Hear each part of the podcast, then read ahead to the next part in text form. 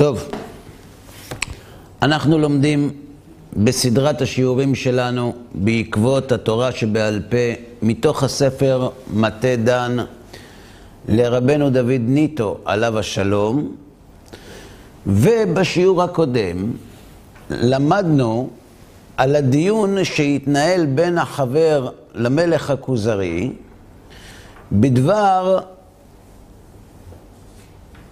הסמכות של חכמי ישראל לתקן ברכות על מצוות דה רבנן, שבהן אנו מברכים אשר קידשנו במצוותיו וציוונו. ועל כך שאל הכוזרי את החבר, והיכן ציוונו? שהרי אלו מצוות דה רבנן. התשובה המקובלת, שציוונו על לא תסור מכל אשר יגידו לך, שמשם חז"ל שואבים את סמכותם, בוחר החבר שלו להשיב את התשובה הזאת. למה? כי היא לא מקובלת על המכחישים, שהם טוענים שציווי לא תסור הוא מאוד מצומצם, ובמקרה הטוב הוא המקור לסמכות של החכמים לפרש את הכתוב בתורה. אבל לא להמציא מצוות חדשות. ולכן צריך למצוא תשובה שתספק גם אותם. על כך השיב לו החבר בשיעור הקודם, והסביר לו שחז"ל כשהם מתקנים מצווה חדשה, ויש עשר כאלה לדעת החבר, הרי שחז"ל לא תיקנו אותם בצורה שרירותית, אלא התבוננו ברוח התורה, דהיינו, הם ראו שמודים לקדוש ברוך הוא על ניסים, אז תקנו ברכה על ניסים, כי אם התורה מלמדת שצריך להודות על ניסים, הרי שכשאנחנו מודים על ניסים אנחנו עושים דבר תורה, למרות שהתקנה עצמה היא דרבנן. והבאנו והרחבנו בנושא הזה בשיעור הקודם. עכשיו אנחנו מתקדמים הלאה. ממשיך החבר. ובכן חייבים אנו להללו בחגים ובמועדים, והיה לנו לתת בפינו שיר חדש תהילה לאלוהינו. כלומר, אנחנו רואים שצריך להודות לקדוש ברוך הוא על הניסים, כפי שלמדנו בשיעור הקודם, אז בחגים שבהם נעשו לנו ניסים, אנחנו צריכים להודות לקדוש ברוך הוא ולשיר. אז למה דווקא שרים את ההלל, שזה פרקי תהילים של דוד המלך? למה לא, למה לא מודים לו בשירה עברית מודרנית? תשובה, אמנם כיוון שיש לנו שירות ותשבחות דוד המלך עליו השלום, שאמרן ברוח הקודש. נכון? אז מה עדיף? אלתרמן זה יפה. גם ביאליק. זה מאוד יפה, אבל לכל הדעות, ובוודאי לדעת הכותבים עצמם, הם לא כתבו ברוח הקודש. וכשאנחנו רוצים להודות לקדוש ברוך הוא, אז בין מצד השירים עצמם, בין מצד המשורר, עדיף לומר את המשובח יותר. ובכן, אנו גומרים את ההלל במועדי השם, ומברכים וציוונו לפי שאף על פי שלא ציוונו, שנאמר אלה הדברים בדווקא, באותה נשימה ציוונו דרך כלל שנודה ונשבח לשמו הגדול והקדוש. לכן, אנחנו לא מוסיפים מצווה לתורה, שנאמר אלה הדברים, אבל כיוון שהוא ציוונו להודות על הניסים שהוא עושה לנו, אז אנחנו מתקנים כחכמים, לא כדבר תורה, ואנחנו אומרים וציוונו על שם הכיוון שהתורה מראה לנו שאדם צריך להודות. וחכמי ישראל בחרו להם שירי דוד מהטעם שאמרתי. וכיוון שמצוות השם יתברך היא שישבחו ויודו לשמו, שפיר שייך לממר בהלל וציוונו משום יודו להשם חסדו ונפלאותיו לבני אדם, כך כתוב בתהילים. זאת אומרת, אנחנו מודים להשם על החסדים ועל הנפלאות שהוא עושה לנו, בני האדם. אז מכאן אנחנו למדים שאדם צריך להודות, שהתורה מלמדת אותנו שצריך להודות. אז אנחנו מחליטים להודות ומרכיבים על הכותרת וציוונו. לא ציוונו על ההלל הזה, ציוונו להודות, ולכן אנחנו מודים. אף על פי שאנו קוראים ההלל מצווה דה רבנן. ברור עד פה. אז עם אמירת הלל אין בעיה לומר, וציוונו לגמור את ההלל, הכל בסדר. ומה אם מקרא מגילה? וכן יש לומר וציוונו על מקרא מגילה בלי פקפוק. מדוע? משום דכיוון דקריאתה היינו הלילה. הקריאה של המגילה היא כמו הלל, היא הודעה להשם על הנס, נכון? הרי אסתר כותבת את הדברים האלה על ספר זכר לנס שנעשה. דהיינו זיכרון הנס שעשה עמנו להצילנו מיד המן. אף על פי שלא ציוונו בפרט שנקרא מגילת אסתר. הוא לא ציווה אותנו לקרוא את מגילת אסתר. ציוונו דרך כלל. כמו שהוכחתי, משום יודו להשם חסדו. וכן יכולים אנו לומר וציוונו בנר של חנוכה. כי למה מדליקים נרות חנוכה? אה? בגלל הסופגניות, נכון? וציוונו בנר של חנוכה כיוון שהיא לזיכרון נס פח השמן הטהור שלא היה בו שמן אלא יום אחד והדליקו בו שמונה ימים. לכן גם בחנוכה אנחנו אומרים להדליק נר חנוכה. וכן בנר של שבת ויום טוב. על איזה נס מדליקים נר של שבת ויום טוב? על איזה נס? כן. הרי עד עכשיו דיברנו על ניסים. היה הלל, היה פורים והיה חנוכה. וגם נר של שבת ויום טוב. התשובה היא מאוד פשוטה. למה מדליקים נר שבת?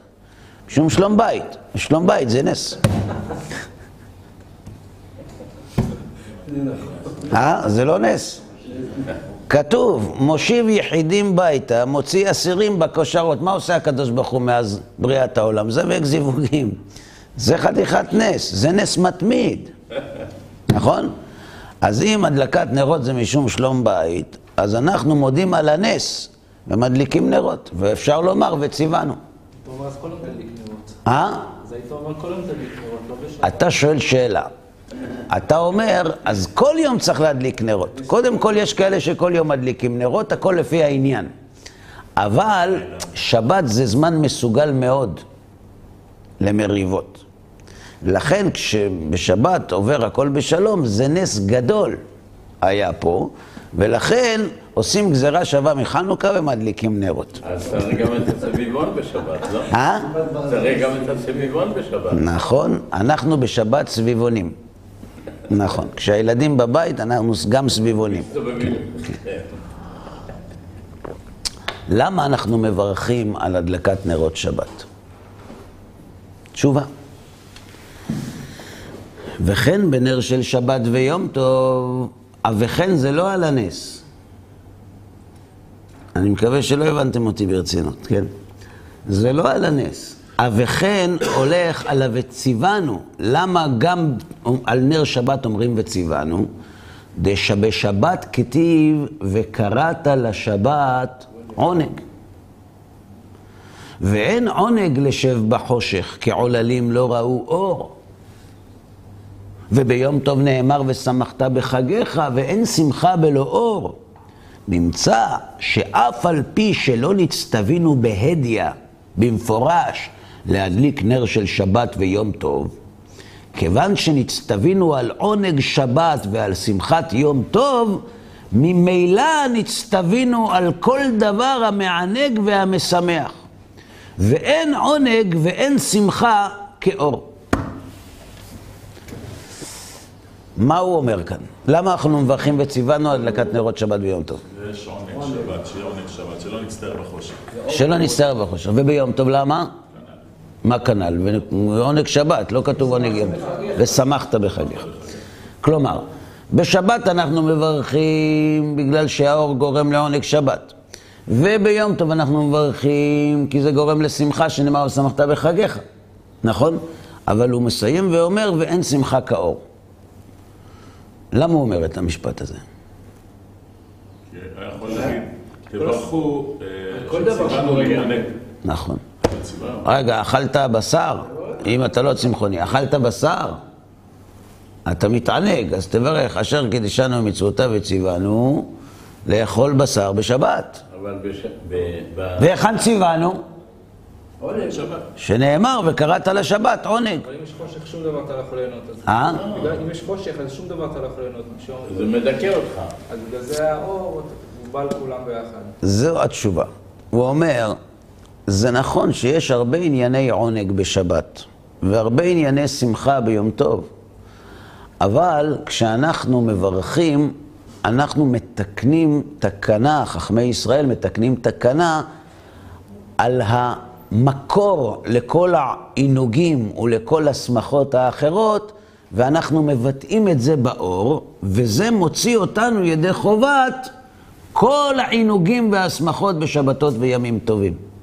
והיכן ציוונו? קראת לשבת עונג על שבת, ושמחת בחגיך על יום טוב. לכן אנחנו מברכים, אשר קידשנו במצוותיו, וציוונו לענג את השבת, ואין עונג כאור, לכן אנחנו מברכים וציוונו על הדלקת הנר בשבת, בערב שבת. ברור עד פה? מה קשה לך? קשה, כאילו. קצת קשה, זה לא נורא. עכשיו בצד שלהם, אבל אה, היה, אני חושב שאלה מתבקשת, אז, אז, אז שציוונו לענג את השבת, או לענג, את- לענג את השבת, כן. אז עכשיו אתה. אז עכשיו אתה שואל, אתה שואל על הניסוח של חז"ל. אתה לא שואל על והיכן ציוונו. אני אומר, להתענג על השבת הוא באמת ממש בפירוש ציוונו. לשמוח בחגים הוא בפירוש ציוונו. האור זו פרשנות של החכמים, שבגלל שאין שמחה כאור. זה נכון, זה פרשנות של חכמים. חכמים פירשו מהו עונג, ולכן תיקנו דרבנן, לא דאורייתא, להדליק נרות. עכשיו, אחרי שהם החליטו שמדליקים נרות, נתכנסו החכמים בבית המדרש ואמרו, מה נברך? ברוך אתה השם אלוקינו מלך העולם. מודים לך. אשר קידשנו במצוותיו. נכון? עד כאן בסדר. עכשיו מה נגיד? לא התקשרו. אז אם הם מתקשרים אליך, היית אומר להם, וציוונו לענג את השבת. אבל וציוונו לענג את השבת זו אמירה כללית, ואני מדליק נרות. אז אני אגיד, אשר קידשנו במצוותיו וציוונו לענג את השבת. ואני מדליק נרות כי הם עונג שבת, אז אומרים, אשר קידשנו במצוותיו וציוונו להדליק נר של שבת. ואז ישאלו והיכן ציוונו, ואז יבואו לשיעור, והחכמים ילמדו שזה מצד עונג שבת. אה? למשל, אנחנו לומדים ממתי קוראים את שמע וערבית. ממתי? מה? נכנסים לאן? איפה הם אוכלים בתרומתם שהם נכנסים? הם לא יכולים לאכול בחוץ? לא יכולים. יכולים. תשובה. שואלת המשנה, ומתי זה הזמן שהכוהנים נכנסים לאכול בתרומתם? אז מה התשובה? צאת הכוכבים. אז למה לא תלך ישר? אם מתי קוראים את שמע בערבית? מצאת הכוכבים. או. אז מסבירים חז"ל שרבי יהודה הנשיא רצה ללמד אותנו שתי הלכות במשפט אחד. זו שיטה שבה משתמשים אנשים שלומדים בעל פה. שבגרסה שהם גורסים, הם דוחסים כמה שיותר הלכות לזיכרון. אז כשאנחנו אומרים משעה שהכוהנים נכנסים לאכול בתרומתם, אז הילד שואל, רבי, מה, מה זה קשור לכוהנים? אני אסביר לך, כהן שנטמע צריך ערב שמש. ואחרי שהוא טובל יש ערב שמש, ואז הוא יכול לאכול בתרומה, נכון? מתי זה ערב שמש? צאת הכוכבים. אז עכשיו אנחנו יודעים מתי קוראים שמע בערבית מצאת הכוכבים. וגם אנחנו יודעים שכהנים שנטמעים צריכים לטבול וצריכים מערב שמש, וערב שמש למצאת הכוכבים. נתקדם. הוא כבר למד שתי הלכות. אותו דבר גם פה. אשר קידשנו ממצוותיו וציוונו להדליק נרות של שבת. נר של שבת, נר של יום טוב. אה, למה לא נר שבת? מה זה, איפה ציוונו? ציוונו על עונג שבת. טוב, אז זה באופן כללי. נכון, אנחנו עושים נר, כי הנר הוא אור, והאור מביא עונג, אז אנחנו לומדים שגם הנר הוא עונג, וגם ציוונו על עונג שבת, וגם חכמים תקנו. כל זה בפסוק, ב, ב, בברכה, בסדר? אז עכשיו יש לנו ככה, על הלל יודו להשם חסדו, על פורים יודו להשם חסדו, על חנוכה יודו להשם חסדו, על נר שבת קראת לשבת עונג, על נר יום טוב ושמחת בחגיך. בסדר? נמשיך. ומה ששייך ליום טוב שני של גלויות, הלא הוא מתורץ בוויכוח החמישי, זה עוד נלמד, ובארבע תעניות, לקה קושיא. למה לא מברכים על התעניות? יש ארבע תעניות, נכון? למה לא מברכים עליהן? אה? נו, אז מה? דיין האמת זה כן שמחה. למה לא מברכים? ראשונה, בארבע תעניות לקה קושי. ראשונה, שעננו לקה בה וציוונו, ואינה אלא בקשה ותפילה. העננו שאנחנו אומרים, זה לא ברכה, זו בקשה ותפילה. ועוד, שהשם יתברך הסכים על ידם, שנאמר, כה אמר השם, צבאות, צום הרביעי וצום החמישי וצום העשירי, אלה בית יהודה לששון ושמחה ולמועדים טובים. על מה זה הולך? מה יש בתעניות האלה? לעתיד לבוא יהפכו לימים טובים. נו, אז מה? אה? בוא נראה. בספר זכריה, אגב, בשנת שתיים לדריווש, נסתתמו שערי הנבואה של חגי וזכריה.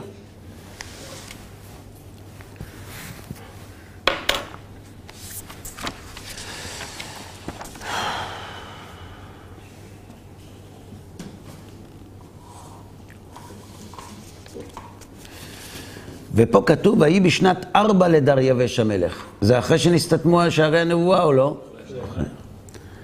היה דבר השם אל זכריה בארבעה לחודש, התשיעי בכסלו. למרות שנסתתמו שערי הנבואה, הקדוש ברוך הוא מתגלה עוד פעם לזכריה. למה? מה כל כך דחוף? אה? אולי אם הוא התחיל לפני זה, אז. לא, הפסיק. הפסיק.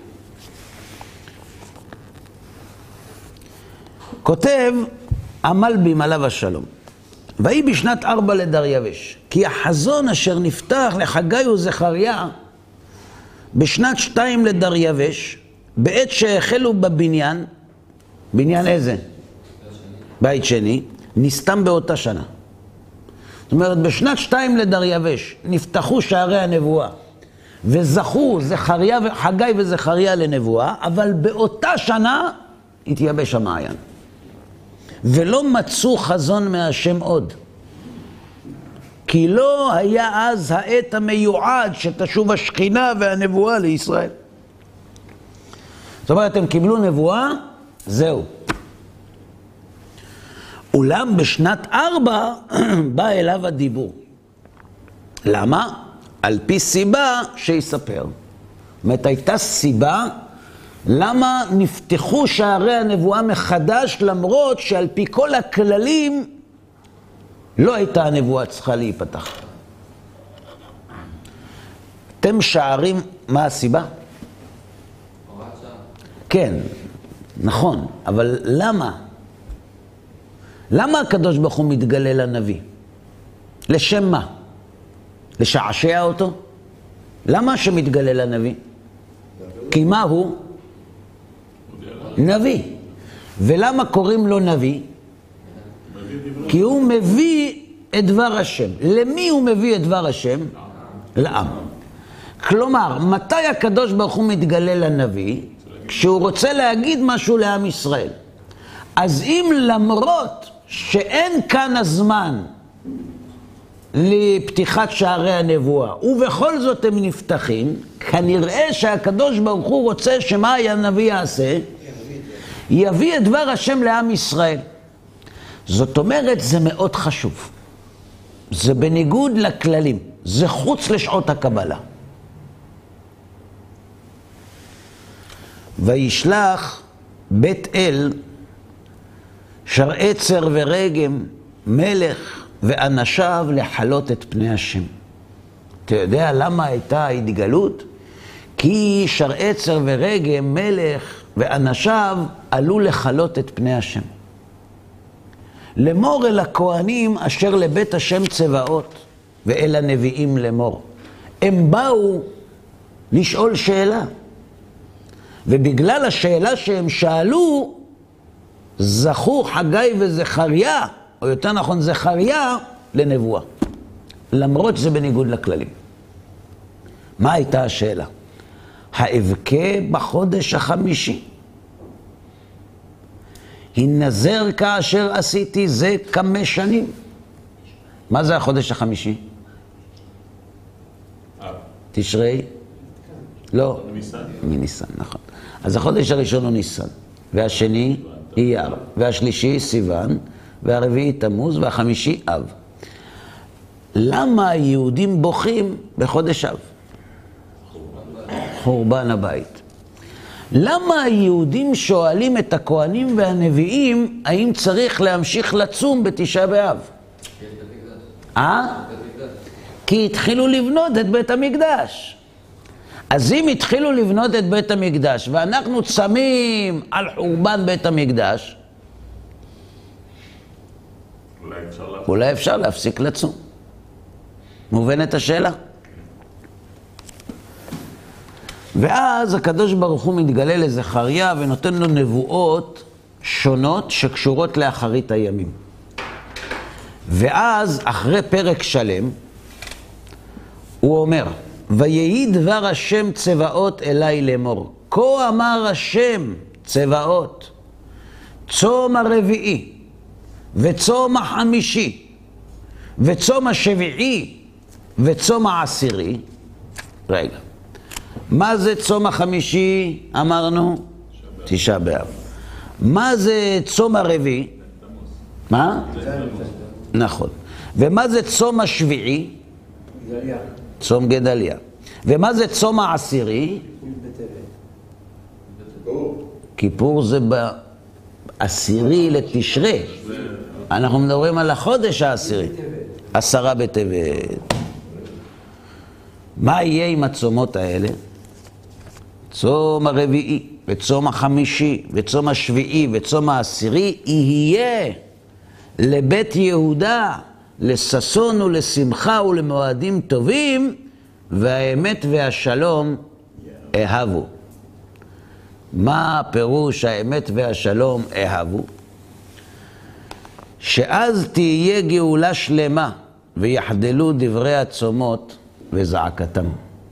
מה הייתה השאלה שלהם? הם רצו לדעת אם צריך להמשיך לצום. מצד אחד אין טעם להמשיך לצום, כי אם נבנה בית המקדש, אם צריך להמשיך לצום. אז למה הם באו לשאול? זה צריך להיות ברור. אם הם באו לשאול, זה מלמד שהיה להם ספק. צד אחד, ברור, להפסיק לצום. למה יש צד להמשיך לצום? כי הבית ששמים עליו נחרב בכל זאת, זה שם בו. אבל הוא נבנה, זהו, חזרנו, קמה המדינה. נגמר, אנחנו לא בגלות. כבר היה בנוי שלפי מה אנחנו עדיין... כן, בבנייתו. הקורבנות התחילו עוד לפני שבנו. תשובה, הם לא ידעו אם גדול יהיה כבודו של הבית השני מן הבית הראשון. כי אם הבית השני אינו חשוב כמו הבית הראשון, הם לא יכולים להפסיק לצום.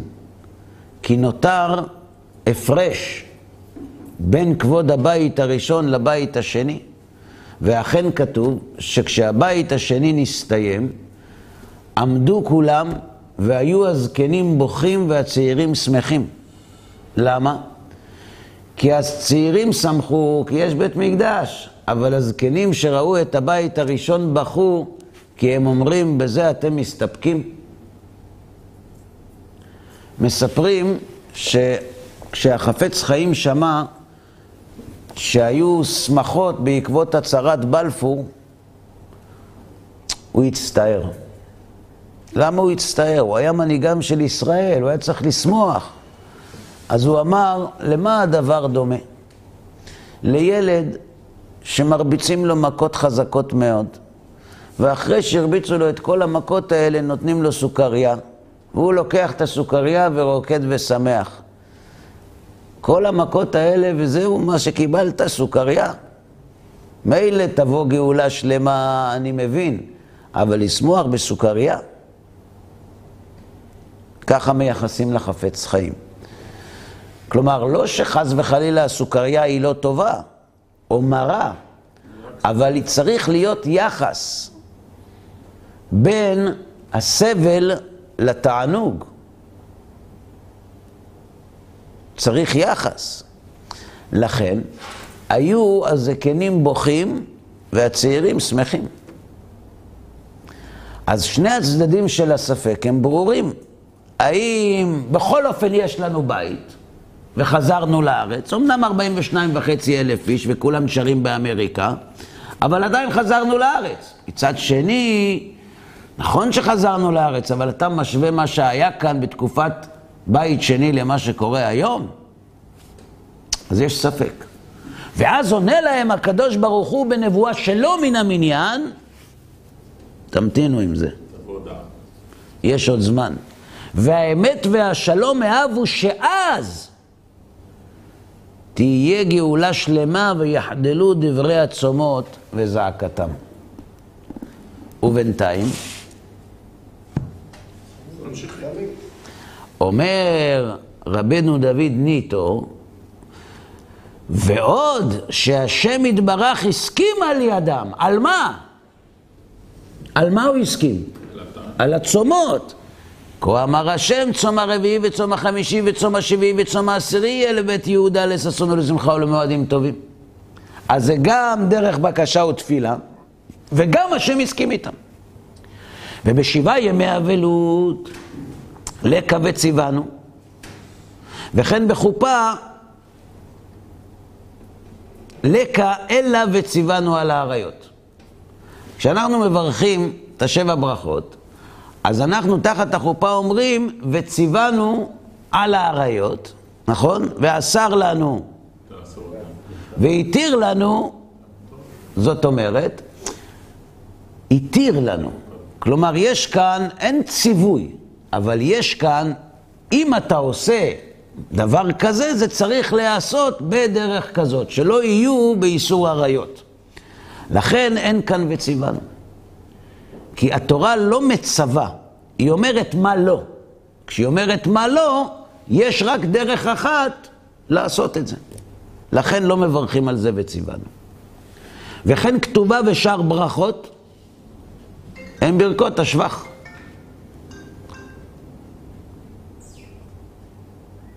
ועל ברכות השבח יש וציוונו? אה? לא. אמר הכוזרי, בסדר, הבנתי. הבנתי את הרעיון. אבל בפרק שני של מסכת עירובין כתוב ששלמה תיקן עירובין ונטילת ידיים. נכון? אז תראה, על נטילת ידיים אני לא שואל אותך. למה אני לא שואל אותך על נטילת ידיים?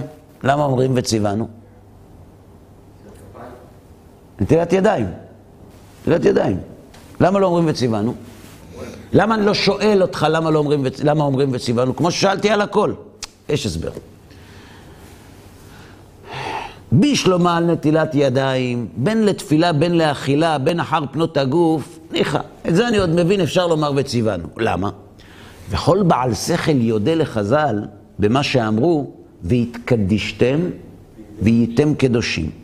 שצריך שגוף כל בן ישראל יהיה נקי להזכיר שמו יתברך הגדול והקדוש, ושפיר שייך ב"וציוונו". כשהקדוש ברוך הוא אומר לנו והתקדישתם, אנחנו למדים מזה שכשאדם עומד בתפילה, או נושא את כפיו, או נפנה מצרכיו ורוצה ללמוד, הוא צריך ליטול ידיים כדי לקדש את עצמו. על זה אפשר לומר וציוונו, כי הקדוש ברוך הוא כותב בתורה והתקדישתם, ציווי. והתקדישתם והייתם קדושים. אבל על העירוב, בין של שבת, בין של תבשילים. מה זה עירוב של תבשילים? אה? משבת לחג? מחג לשבת. שיהיה מותר לבשל ביום טוב, גם אם הבישול מיועד לשבת. ולמה זה מותר? כי אנחנו סומכים על מה שהתחלנו לבשל מיום חול, נכון? אז על העירוב בין של שבת, בין של תבשילין. של תבשילין הסברנו, מה זה עירוב של שבת? עירוב תחומין. מה זה עירוב תחומין? למה קוראים לזה עירוב? נכון, כי מערבים שני תחומים זה בזה והופכים אותם לתחום אחד. אז על נטילת ידיים לא תפסת אותי שואל, אבל תגיד לי, עירוב של שבת ושל תבשילין, ירחיבו פה ולשון ויעריכו ויאמרו שחז"ל תלו עצמם באילן גדול, שלא ליתן פתחון פה למכחישים, ואף על פי כן ישאלו, איך נברך וציוונו והשם לא ציווה? כלומר, אם החבר דילג על כל המשוכות עד כאן, כרגע הכוזרי מגביה טרף. עירוב תחומין ועירוב תבשילין, היכן ציוונו? אתה אומר רוח החוק, אה? רוח החוק. איפה הרוח? גם את הרוח לא רואים. מה? במן? לא יודע, מצאת רמז? אם אתה אומר אולי, ואמרת רמז, זה תרתי לרעותה. זה גם אולי וגם רמז. כלומר, במפורש חבל על הזמן, לא נמצא. אם הקדוש ברוך הוא השאיר פרצות בתורה, אז אולי זה כדי שיהיה לעבור. איפה הוא השאיר את ה... זה לא אולי. אם הקדוש ברוך הוא השאיר פרצה, זה כדי שנעבור בה. זה סוג של היציבות. אבל מי אמר לך שזו פרצה? איפה, איפה מצאת פרצה כזאת? איפה? עוד פעם אתה הולך על כנראה. לא, לא. יש תשובה הרבה יותר ברורה וחדה. קוראים לזה לא יודע. למד לשונך לומר, איני יודע. לא יודע. זה לא תופס אצל יהודי. תופס, תופס. זה, אני אגיד לך, זה דורש, זה דורש כמה פעמים ביום לתרגל, וזה עובד. עדיף להתחיל עם זה מול המראה. כי, כי כשאתה אומר ליד אנשים לא יודע, זה השלכות רבות. אבל כשאתה עומד מול המראה, קשה מאוד שאתה תשתכנע מעצמך. אבל אתה אומר, אני לא יודע, אני לא יודע. אתה עומד מול המראה, אתה אומר, אני לא יודע, אני לא יודע, איך זה נראה, אני לא יודע. אני לא יודע, אני לא יודע. אתה אומר, תשמע, אולי באמת אני לא יודע. טוב, אפשר להמשיך. אמר החבר, לו יהי כדברי המכחישים. אתה יודע מה? אני מוכן אפילו, לצורך הדיון, לשיטת המכחישים, שזמן הרבה אחר שלמה נתקן העירוב. נגיד, אנחנו אומרים שלמה המלך, הם אומרים הרבה אחרי. בסדר, הרבה אחרי, מה זה משנה? הרבה אחרי, טוב? וערכה לפניהם שבדין ומשפט יכולים אנו לומר וציוונו. אחרי שלמה המלך, ועדיין אנחנו יכולים לומר וציוונו. למה? כתוב בתורה, איש כי ידור נדר להשם, או יישבע שבועה לאסור איסר על נפשו. לא יחל דברו, ככל היוצא מפיו יעשה. מה זו המצווה הזאת?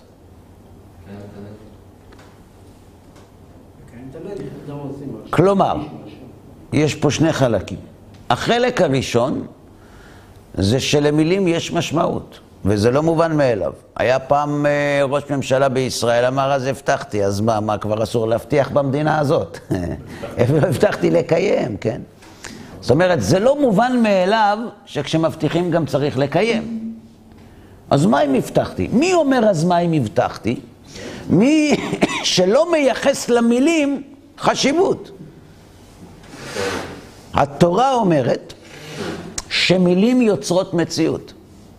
כשאדם אומר, קונם עליו, נשבע או נודר, שלא יאכל אצל פלוני, או שלא יאכל דבר פלוני, זה יוצר מציאות. זה יוצר איסור מן התורה. אסור לו לאכול את זה. איש כי ידור נדר להשם, או יישבע שבועה, לאסור איסר על נפשו, לא יחל דברו, ככל היוצא מפיו יעשה. הבטחת, תקיים. בן אדם עכשיו נגיד נשבע לו להשם, זה כאילו איסור תורה בשבילו עכשיו... אה, הוא עובר על איסור, לא יחל דברו. דיברת. מה זה נדר? זה דרבנן? זה כתוב בתורה.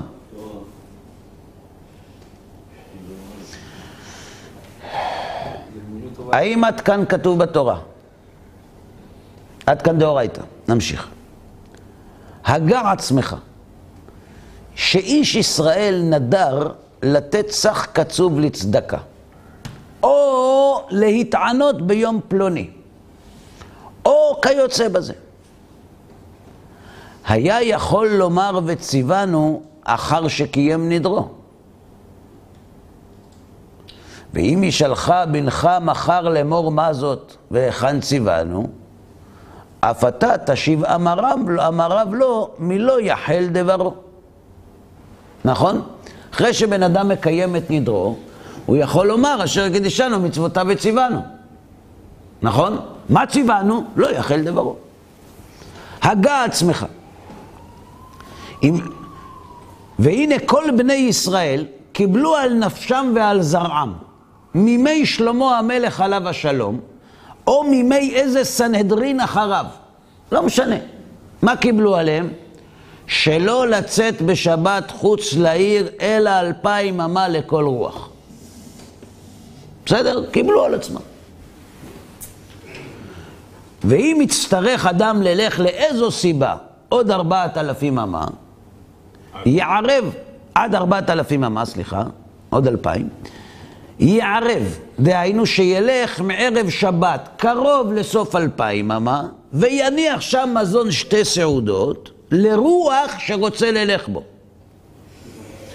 וזהו לומר, אני שמתי עירובי לסוף אלפיים אמה, והווה כאילו שם הוא מקום שביתתי, ואם שם הוא מקום שביתתי, ממקום שביתתו של אדם, עד היכן מותר לו ללך?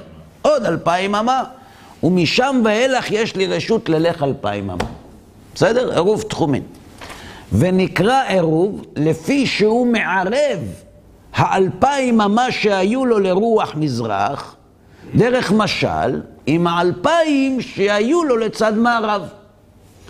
וכיוון שקיבלנו עלינו שלא ללך בשבת יותר מאלפיים אמה, אלא על ידי עירוב לכבוד שבת, נמצא שזו מצווה עלינו, וכשעירבנו, קיימנו לא יחל דברו. אילקח שייך שפיר לומר וציוונו. ברור. הוא אומר דבר פשוט. אנחנו יודעים שכשאדם נודר נדר, יש איסור לא יחל דברו. לכן, כשאדם מקיים את הנדר, הוא מקיים וציוונו, נכון? לכן, כשבני ישראל קיבלו על עצמם בהנהגה קבועה, בנדר, לא ללכת יותר מאלפיים אמה ללא עירוב, כשהוא מערב, הוא מברך וציוונו כי הוא מקיים את נדרו. שואל החבר, רגע, אז למה לא מברכים על כל נדר?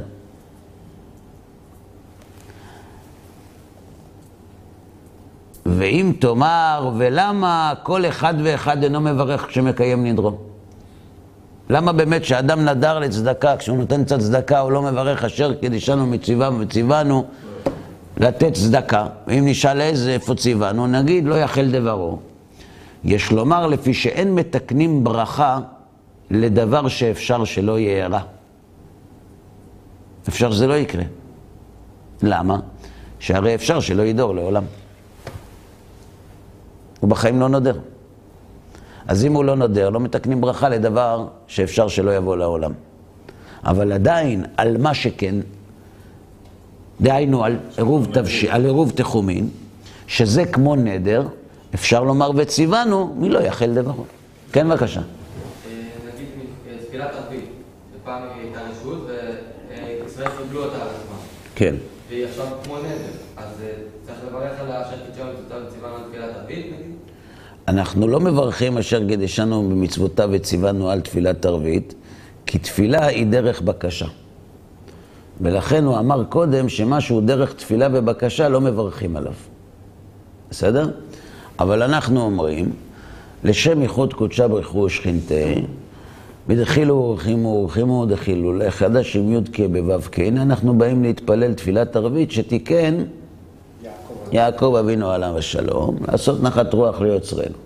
למה אומרים את הלשם ייחוד הזה? כדי להכין את עצמנו לתפילה. אז למה לא מברכים? ברוך אתה השם כמלך קדם זונה תפילת ערבית. ברוך אתה השם כמלך אשר בדברו מעריב ערבים.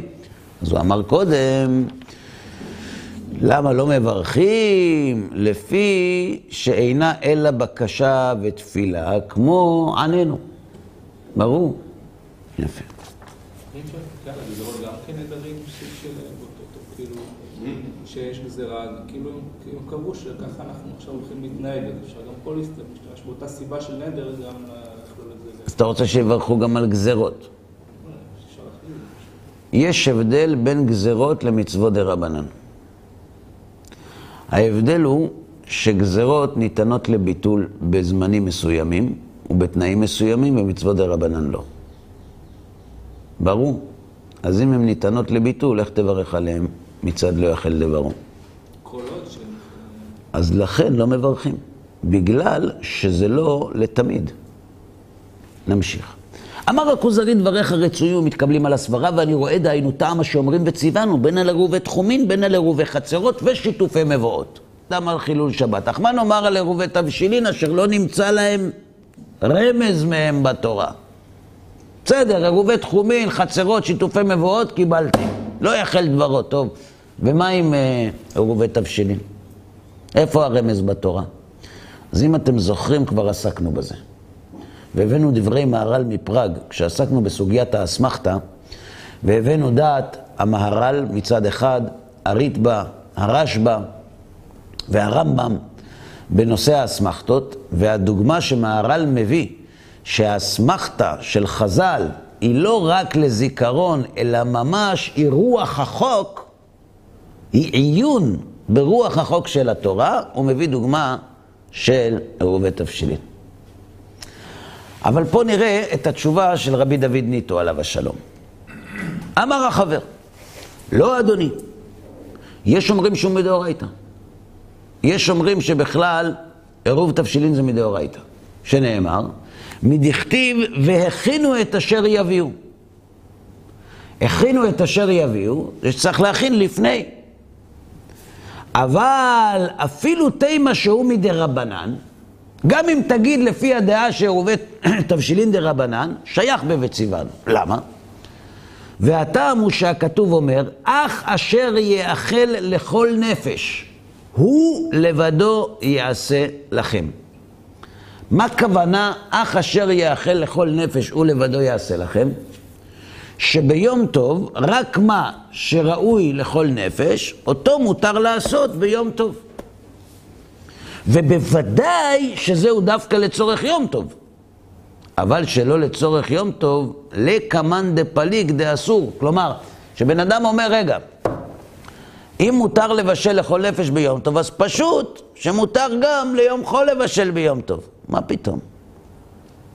מותר לך לבשל, כי זה צורך אוכל נפש ביום טוב, אבל לבשל ביום טוב ליום חול? מי התיר לך? לפי כולם, בין דאורייתא בין דרבנן, אסור לבשל מיום טוב לחול.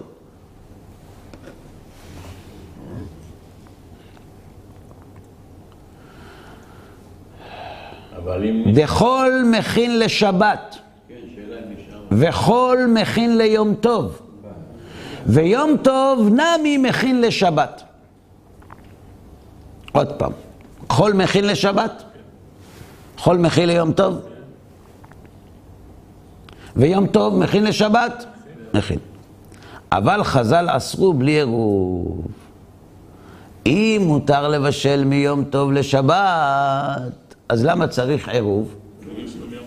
כדי שלא יבשלו מיום טוב לחול.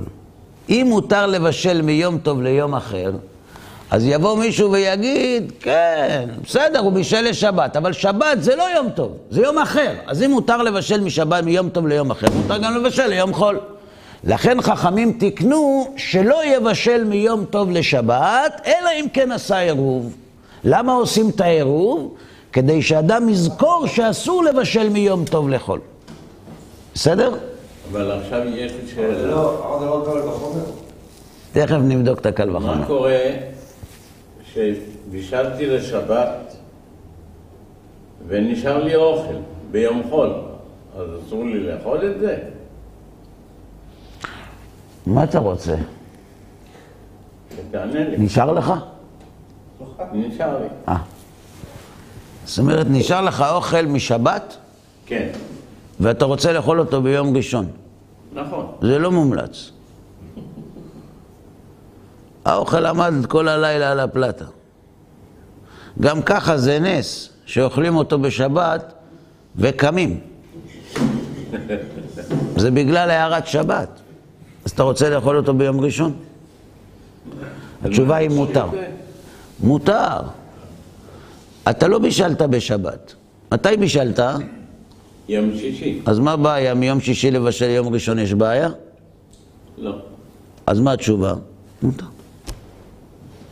מה אתה אומר קל וחומר? אתה שואל אולי שאלה אחרת. אתה שואל, בישלתי ביום טוב לצורך יום טוב. היי, פתאום באים אורחים, מה אני אעשה? מה, אני אגיד להם, אין לי.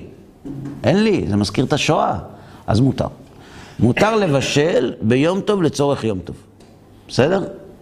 ולא רק שמותר לבשל ביום טוב לצורך יום טוב, אם באו אורחים, אלא מותר לבשל מיום טוב לצורך יום טוב, אולי יבואו אורחים. בהנחה שהם באמת יכולים לבוא, כי אם הם לא יכולים לבוא, זה סתם משקר. עכשיו, בישל האורחים ביום טוב. ביום טוב, לא ביום שישי, ביום טוב. ונשאר לו. מותר לו לאכול את זה ביום אחרי יום טוב או אסור?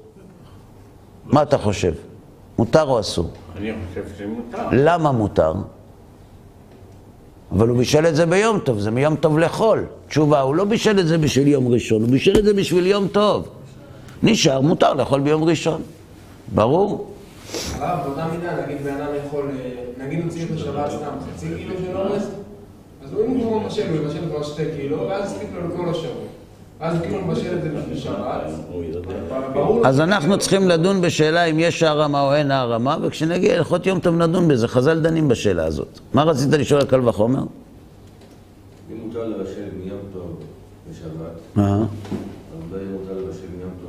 חול? להגיד קל וחומר אי אפשר. כי יום טוב יותר חמור מחול. ושבת יותר חמורה מחול ומיום טוב. אז אנחנו אומרים, אתה אומר, אם מותר לבשל מיום טוב לשבת, לא יהיה מותר שבת מיום טוב לחול? מה פתאום? לכבוד שבת הייתי אומר שמותר יהיה לבשל ביום טוב. אבל כיוון שיום טוב יותר חשוב מחול, איך מותר לבשל מיום טוב לחול? זה לא קל וחומר. מה הפוך? הוא אומר כמה חומר הפוך מזה. כן, כי זה לא קל וחומר. נמשיך הלאה. נכון. כתוב, ובוודאי שזהו דווקא לצורך יום טוב, אבל שלא לצורך יום טוב, לקמאן דפליג דאסור, דכל מכין לשבת, וכל מכין ליום טוב, ויום טוב נמי מכין לשבת, אבל חז"ל אסרו בלי עירוב, שמא יבשלו מיום טוב לחול. ומעכשיו יישאו קל וחומר בעצמם, ויאמרו, ומה מיום טוב לשבת? אין מבשלים, אין מבשלים יום טוב לשבת. בלי עירוב. בלי עירוב, מיום טוב לחול, כל שכן שאסור לבשל. ולמה למדנו שאסור לבשל מיום טוב לחול? כי אסור לבשל מיום טוב לשבת. איך אנחנו יודעים שאסור לבשל מיום טוב לשבת? כי צריך לעשות עירוב תבשילין, ומי שלא עשה עירוב תבשילין יותר מפעמיים, לא יכול להסתמך על הרב של העיר, ואסור לו לבשל מיום טוב לשבת. שעשה יותר מפעם? לא משנה עכשיו. צריך לעשות עירוב תבשילין? למה צריך לעשות עירוב תבשילין? שיהיה מותר לבשל מיום טוב לשבת. אז אם בשביל לבשל מיום טוב לשבת צריך עירוב, אז מיום טוב לחול? בטח שאסור. והעירוב הוא לומר, כבר, מה זה העירוב? לומר כבר התחלתי לבשל ביום חול לשבת. נגיד, יוצא יום טוב יום שישי, הוא מבשל יום חמישי בבוקר, שזה ערב יום טוב, הוא מתחיל לבשל. העירוב תבשילין זה התחלתי לבשל. עכשיו, אני מבשל למתי? לשבת. כבר התחלתי לבשל ביום חול לשבת בזה העירוב, ואז אף על פי שמבשל לכתחילה ביום טוב שהוא ערב שבת לשבת, אבי כמי שגומר לבשל התבשיל שהתחיל מערב יום טוב, וזה נתקן לכבוד יום טוב המקודש שלא יזלזלו בו. שלא יבואו לזלזל ביום טוב, תקנו שלא יהיה אפשר לבשל מיום טוב לשבת ללא עירוב. וכל ישראל קיבלו עליהם שלא לבשל בלי עירוב. נמצא עובר על זה, עובר הלא יחל דברו, ובכן שייך לומר וציוונו עד כאן להיום.